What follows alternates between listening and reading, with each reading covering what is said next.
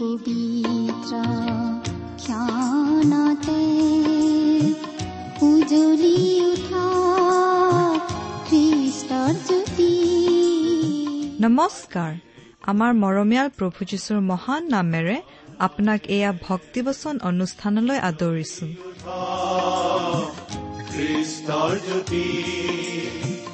আকাশ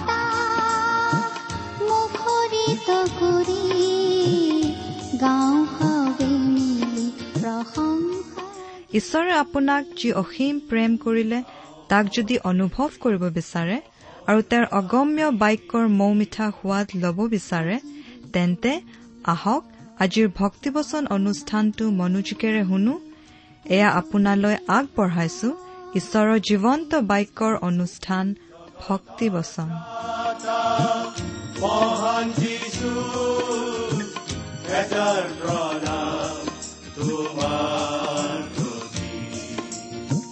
গ্ৰহণ কৰাই ভক্তি বচন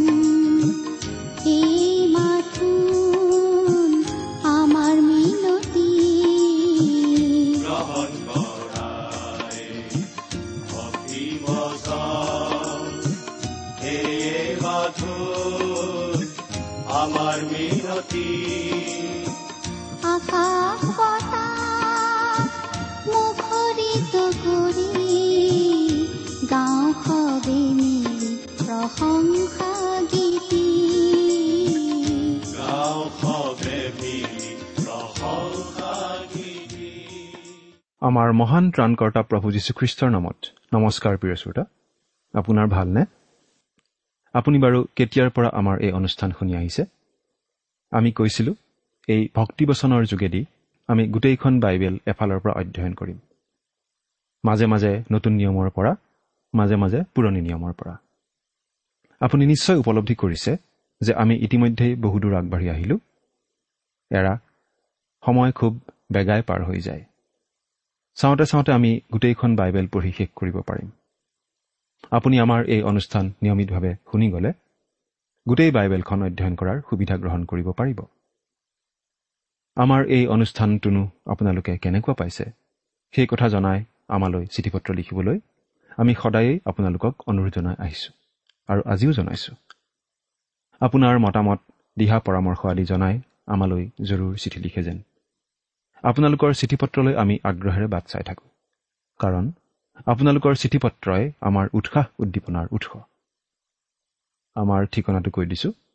ভক্তিবচন টি ডব্লিউ আৰ ইণ্ডিয়া ডাক বাকচ নম্বৰ সাত শূন্য গুৱাহাটী সাত আঠ এক শূন্য শূন্য এক।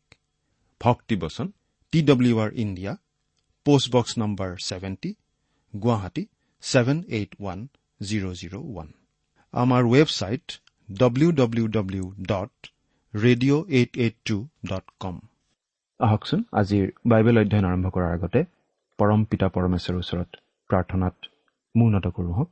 আমি প্ৰাৰ্থনা কৰোঁ হে আমাৰ স্বৰ্গত থকা অসীম দয়ালু পিতৃ ঈশ্বৰ তোমাৰ মহান নামৰ ধন্যবাদ কৰোঁ। তোমাৰ গৌৰৱ মহিমা সকলো ঠাইতে বিয়পি পৰক।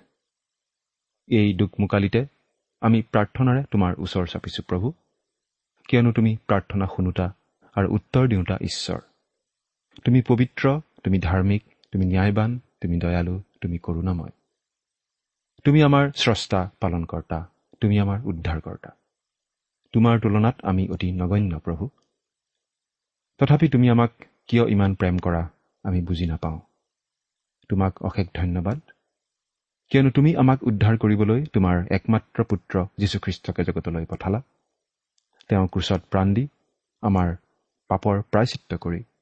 তৃতীয় দিনা পুনৰ জি উঠি সোঁশৰীৰে স্বৰ্গলৈ গৈ এতিয়া তোমাৰ সিংহাসনৰ সোঁহাতে বহি আমাৰ হকে নিবেদন কৰি আছে। তেওঁত বিশ্বাস কৰি আজি আমি বিনামূল্যে পৰিত্ৰাণ লাভ কৰি তোমাৰ সন্তান হ'ব পৰা হৈছো। আমাৰ ধাৰ্মিকতাৰ কাৰণে নহয় কিন্তু একমাত্ৰ তোমাৰ অনুগ্ৰহতহে ই সম্ভৱ হৈছে। তাৰ বাবে তোমাক অশেষ ধন্যবাদ পিতা। এতিয়া প্ৰাৰ্থনা কৰিছো। তুমি আমাক তোমাৰ বাক্য বুজিবলৈ সহায় কৰা। তোমাৰ মাত আমাক শুনিবলৈ দিয়া। অনুষ্ঠান শুনি থকা। প্ৰতিজন শ্ৰোতাক তুমি বিশেষভাৱে আশীৰ্বাদ কৰা। কিয়নো এই প্ৰাৰ্থনা আমাৰ ত্ৰাণকৰ্তা মহান প্ৰভু যীশুখ্ৰীষ্টৰ নামত অৰ্পণ কৰিলো। আমেন। প্ৰিয় শ্ৰোতা আপুনি বাৰু আমাৰ এই অনুষ্ঠানটো নিয়মিতভাৱে শুনি আছেনে? আপুনি যদি আমাৰ আগৰ অনুষ্ঠানটো শুনিছিল তেনেহ'লে আমি যোৱা অনুষ্ঠানত কি আলোচনা কৰিছিলোঁ আপোনাৰ নিশ্চয় মনত আছে? আমি যোৱা অনুষ্ঠানত বাইবেলৰ নতুন নিয়ম খণ্ডৰ তৃতীয় জোহন নামৰ পুস্তকখনৰ দহ নম্বৰ পদলৈকে পঢ়ি আলোচনা আগবঢ়াইছিলোঁ। নহয়নে বাৰু? আজিৰ অনুষ্ঠানত আমি এই তৃতীয় জোহন পুস্তকৰ এঘাৰ নম্বৰ পদৰ পৰা আমাৰ আলোচনা আৰম্ভ কৰিব খুজিছোঁ। আৰু পোন্ধৰ নম্বৰ পদলৈকে পঢ়ি আজি এই চুটি পুস্তকখনৰ অধ্যয়নৰ সামৰণি মাৰিব খুজিছোঁ। আমি এই তৃতীয় জোহন পুস্তকত এতিয়ালৈকে দুজন বিশেষ লোকৰ বিষয়ে পঢ়িবলৈ পালোঁ। প্ৰথমতেই আমি পালোঁ গাই নামৰ লোকজনৰ কথা। এই পত্ৰখন আচলতে পাচনি জোহনে এই গাই নামৰ লোকজনলৈকে লিখিছিল। মচিয়ে পুৰণি নিয়মৰ প্ৰথম পুস্তক পাঁচখন লিখিছিল। আৰু সেই পুস্তক পাঁচখনক ইংৰাজীতে পেণ্টাটুক বুলি কোৱা হয়। পাচনি জোহনেও নতুন নিয়মৰ পেণ্টাটুক লিখিছিল বুলি আমি ক'ব পাৰোঁ। অৱশ্যে প্ৰথমৰ পুস্তক পাঁচখন নহয়। কিন্তু পাচনি জোহনে মুঠতে পাঁচখন পুস্তক লিখিছিল। জোহনে লিখা শুভবাৰ্তা জোহনৰ প্ৰতি প্ৰকাশিত বাক্য জোহনৰ প্ৰথম পত্ৰ জোহনৰ দ্বিতীয় পত্ৰ আৰু জোহনৰ তৃতীয় পত্ৰ। এই জোহনৰ তৃতীয় পত্ৰখন জোহনে একেবাৰে শেষত লিখা বুলি বেছিভাগ পণ্ডিতে মত পোষণ কৰে।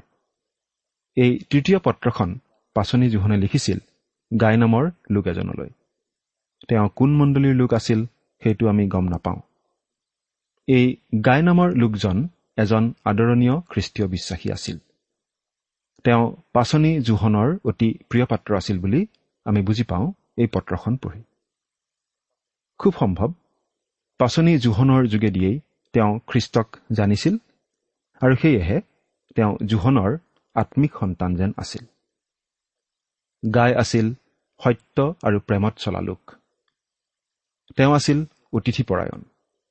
প্ৰকৃত খ্ৰীষ্টীয় বিশ্বাসী লোকক ঘৰত আলহীকৈ ৰাখিবলৈ তেওঁ সদায় ভাল পাইছিল। খ্ৰীষ্টৰ শুভবাৰ্তা বিলাই ফুৰা ঈশ্বৰৰ প্ৰকৃত সেৱক প্ৰকৃত পৰিচাৰকসকলক তেওঁ সহায় শুশ্ৰূষা কৰিছিল।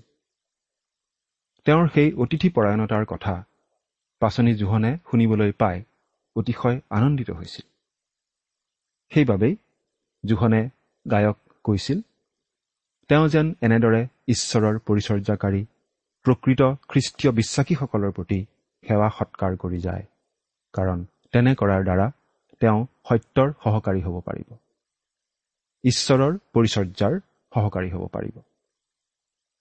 তাৰ পাছত আমি আন এজন বিশেষ লোকৰ বিষয়ে পঢ়িবলৈ পালোঁ।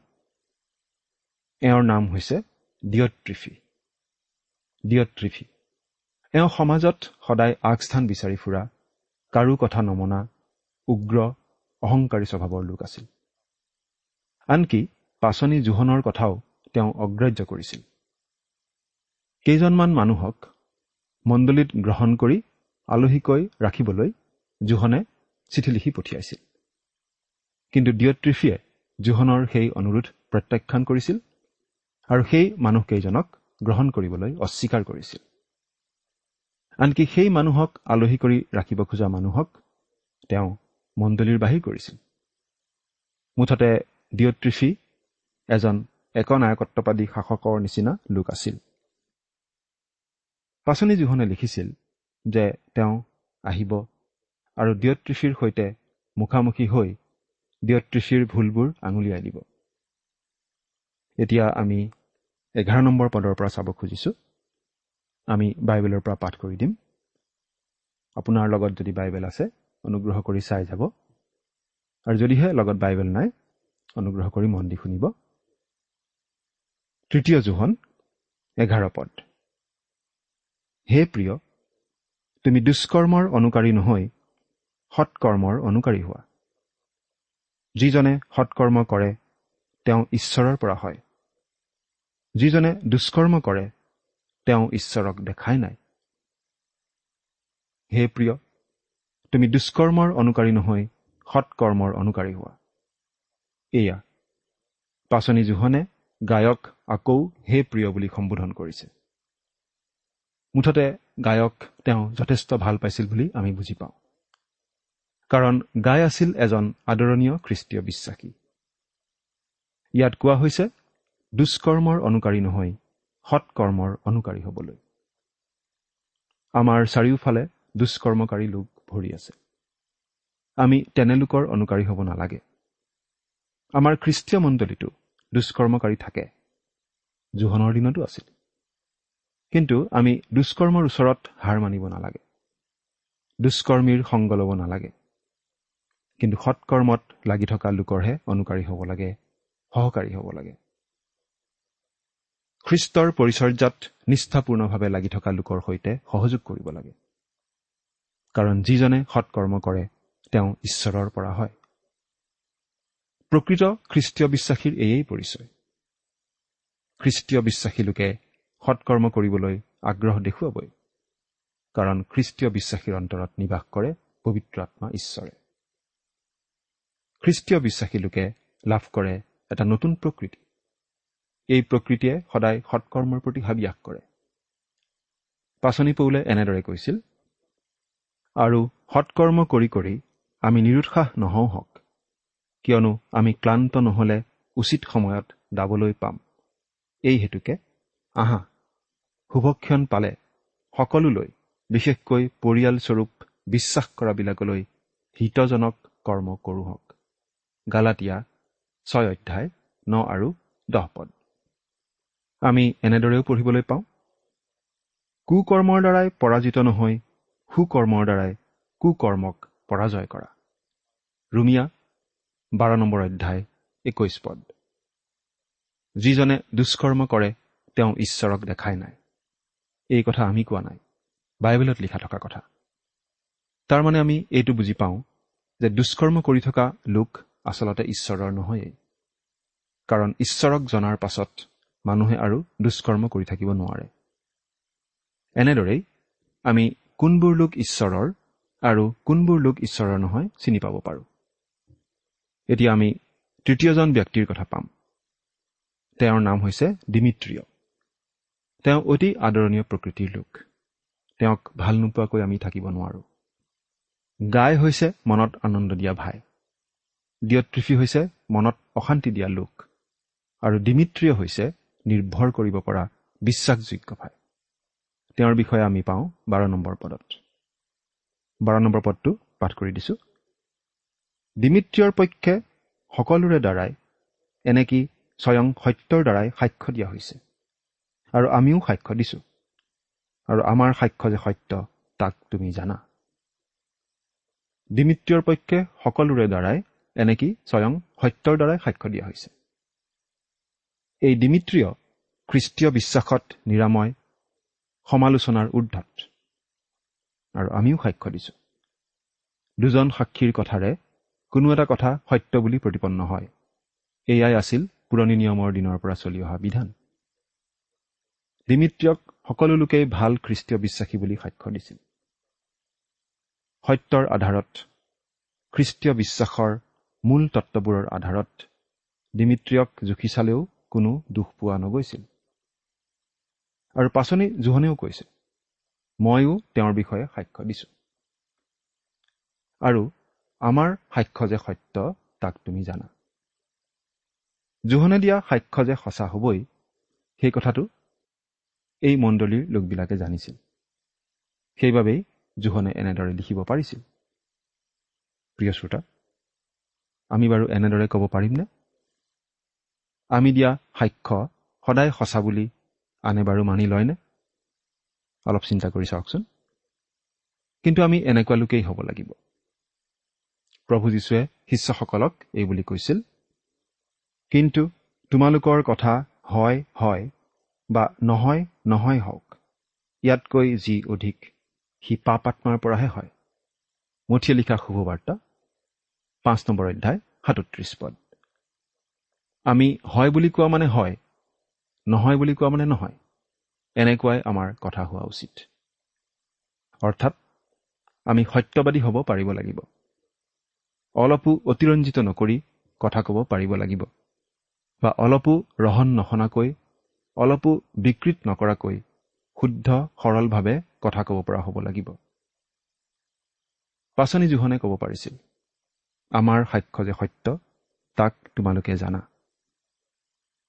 ডিমিত্ৰিয় আছিল ঈশ্বৰৰ এজন নিষ্ঠাবান সেৱক সুভবাৰ্তা প্ৰচাৰক।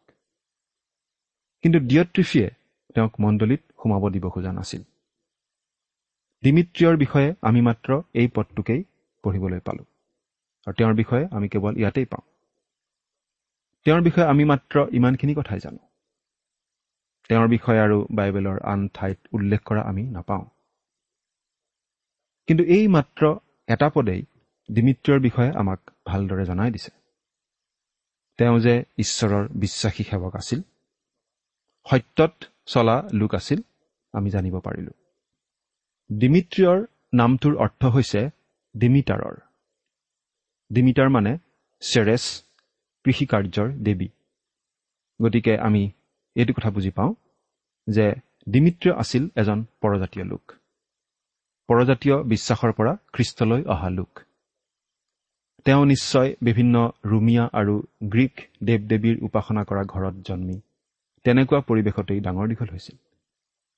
খ্ৰীষ্টক গ্ৰহণ কৰাৰ পাছত তেওঁ খ্ৰীষ্টৰ বাক্য ঘোষণা কৰি ফুৰিছিল। খ্ৰীষ্টৰ বাক্য তেওঁ মানি চলিছিল। আন লোকে তেওঁৰ বিষয়ে ভাল সাক্ষ্য দিছিল। তেওঁ সত্যত চলা লোক আছিল। ডিয়ট্ৰিফিয়ে কেইবাজনো লোকক মণ্ডলীত গ্ৰহণ কৰা নাছিল। পাচনি জোহনে চাৰ্টিফিকেট দি পঠিওৱা কেইবাজনো লোক তেওঁ গ্ৰহণ কৰিবলৈ অস্বীকাৰ কৰিছিল। সেইবোৰৰ মাজৰেই এজন আছিল এই ডিমিত্ৰিয় তেওঁ আছিল বিভিন্ন ঠাই ঘূৰি ফুৰি শুভবাৰ্তা ঘোষণা কৰা লোক। পৰিব্ৰাজক প্ৰচাৰক। প্ৰথম শতিকাত এনেকুৱা বহুতো প্ৰচাৰক আছিল। নম্ৰ অজ্ঞাত আৰু আনে উচ্চ আসনত নবহোৱা।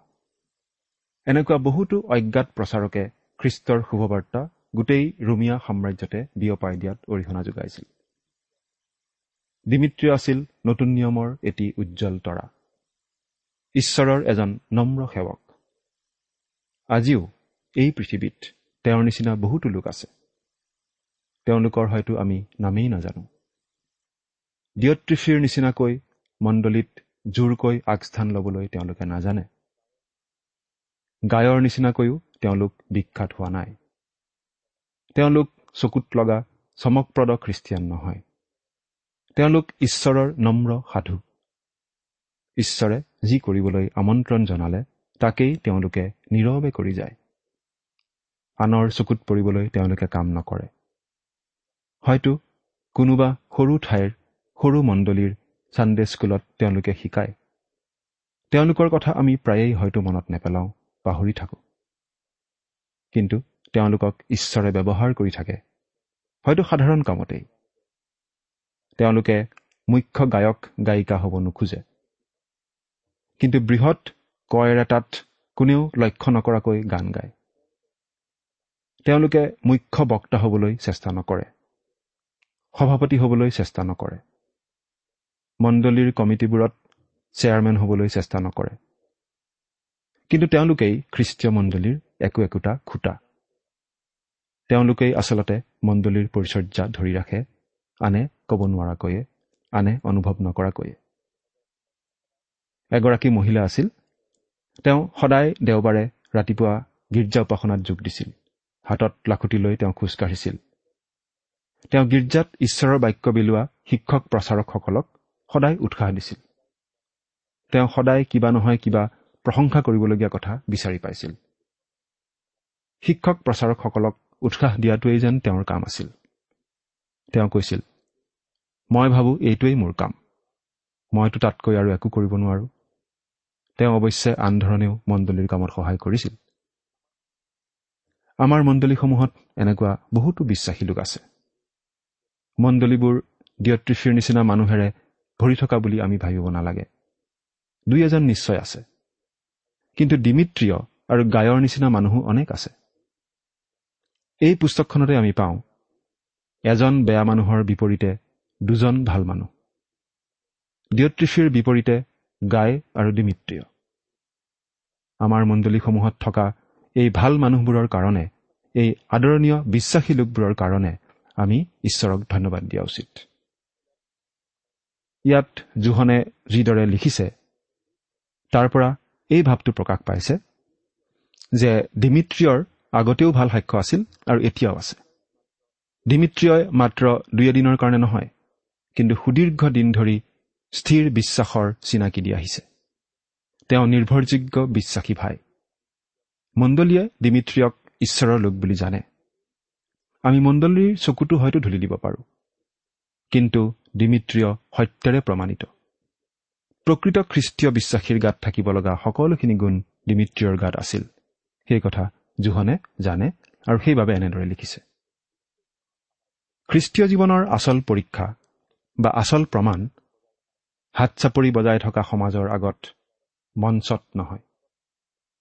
প্ৰথম তিনিটা শতিকাত বহুতো খ্ৰীষ্টীয় বিশ্বাসী লোকক বধ কৰা হৈছিল। প্ৰায় পঞ্চাছ লাখ লোক এনেদৰে খ্ৰীষ্টৰ হকে শ্বহীদ হৈছিল। এনেদৰে মৃত্যুৰ যোগেদিয়েই এই লোকসকলে খ্ৰীষ্টৰ শুভবাৰ্তাৰ সত্যতাৰ সপক্ষে সাক্ষ্য দাঙি ধৰিছিল। কিন্তু আমি বাৰু এই কথাটো ভাবি চাইছোনে? আজি তাতকৈ বহু বেছি লাখ লোকে নীৰৱে খ্ৰীষ্টৰ হকে সাক্ষ্য দি আছে। খ্ৰীষ্টীয় বিশ্বাসী হিচাপে বিশ্বস্ততাৰ জীৱন যাপন কৰি আছে। চমকপ্ৰদ হয়তো একো নাই। কাৰো চকুত হয়তো পৰাও নাই। কোনেও হয়তো প্ৰশংসাও কৰা নাই। কিন্তু তেওঁলোকে বিশ্বাসী হিচাপে খ্ৰীষ্টীয় জীৱন যাপন কৰি গৈছে। মাথোন ঈশ্বৰৰ হকে জীয়াই থাকিবলৈ তেওঁলোকে ভাল পায়। তেওঁলোকৰ জীৱনৰ এটা উদ্দেশ্য আছে। এটা নিৰ্দিষ্ট লক্ষ্য আছে। তেওঁলোকৰ জীৱন আশাহীন নহয়। নিৰস নহয়।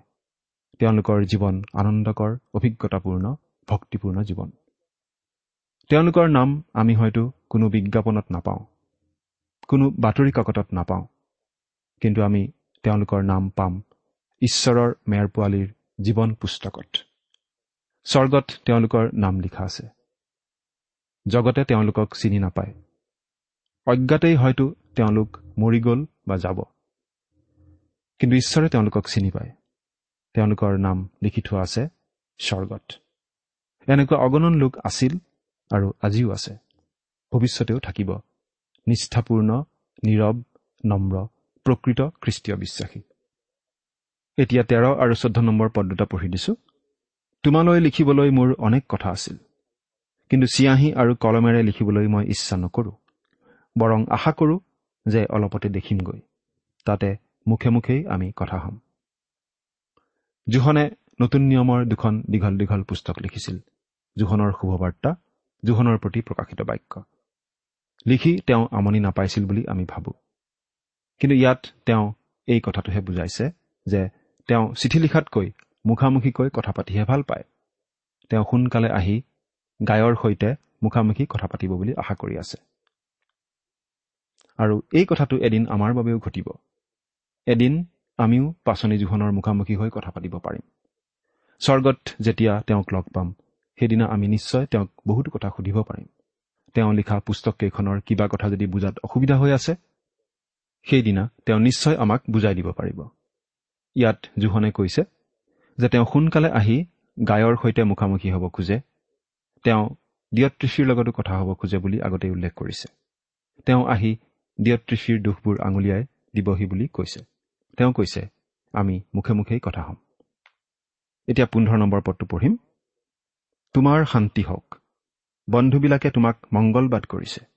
তুমি বন্ধুবিলাকৰ নাম ধৰি ধৰি মংগলবাদ দিবা। এই চিঠিখনৰ এয়া সুন্দৰ সামৰণি নহয়নে বাৰু? তোমাৰ শান্তি হওক। এই শান্তি আমি খ্ৰীষ্টতেই লাভ কৰিব পাৰোঁ।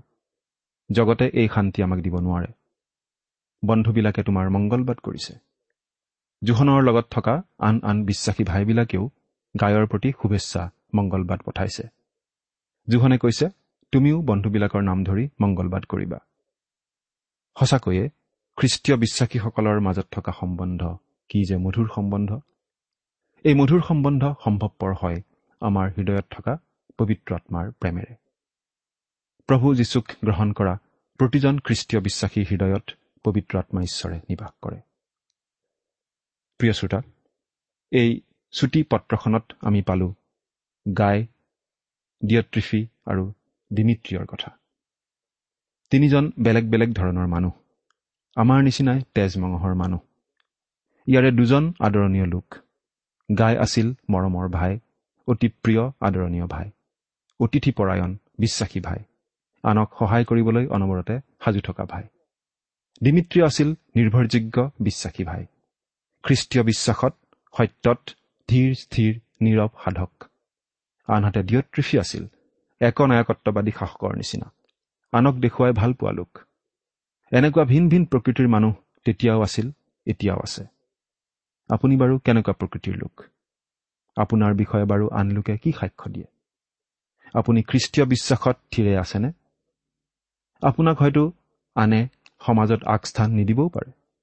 হয়তো আপোনাৰ কাম কাজবোৰ আনৰ চকুত নপৰিবও পাৰে। কিন্তু আপুনি বাৰু এই সম্পৰ্কে নিশ্চিত নে? যে আপোনাৰ নাম স্বৰ্গত জীৱন পুস্তকত লিখা আছে। আপুনি বাৰু ক'ব পাৰিবনে? আপোনাৰ নাম জীৱন পুস্তকত লিখা আছে বুলি চিন্তা কৰি চাওকচোন। ঈশ্বৰে আপোনাক আশীৰ্বাদ কৰক। ইমান পৰে আপুনি ভক্তিবচন অনুষ্ঠানটি শুনিলে। এই বিষয়ে আপোনাৰ মতামত জানিবলৈ পালে আমি নথৈ আনন্দিত হ'ম। আমি প্ৰস্তুত কৰা বাইবেল অধ্যয়নৰ আন চিডিসমূহ পাব বিচাৰিলেও আমালৈ লিখক।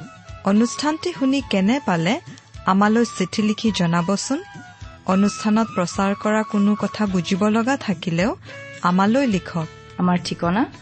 ভক্তিবচন ট্ৰান্স ৱৰ্ল্ড ৰেডিঅ' ইণ্ডিয়া ডাক বাকচ নম্বৰ সাত শূন্য গুৱাহাটী সাত আঠ এক শূন্য শূন্য এক।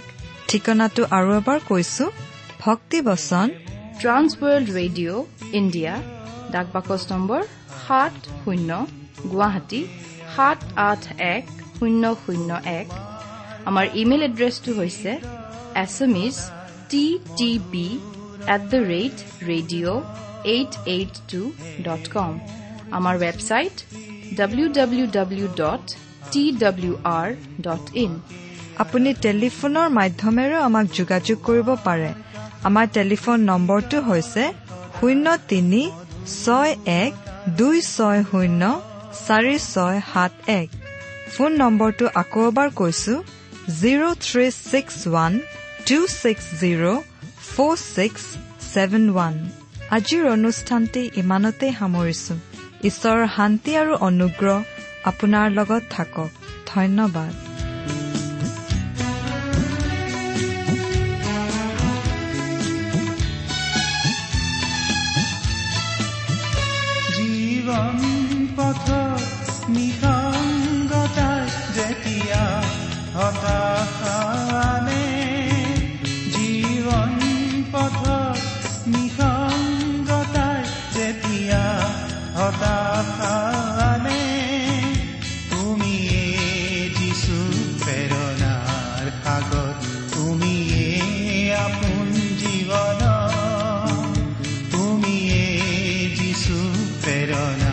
প্ৰেৰণাৰ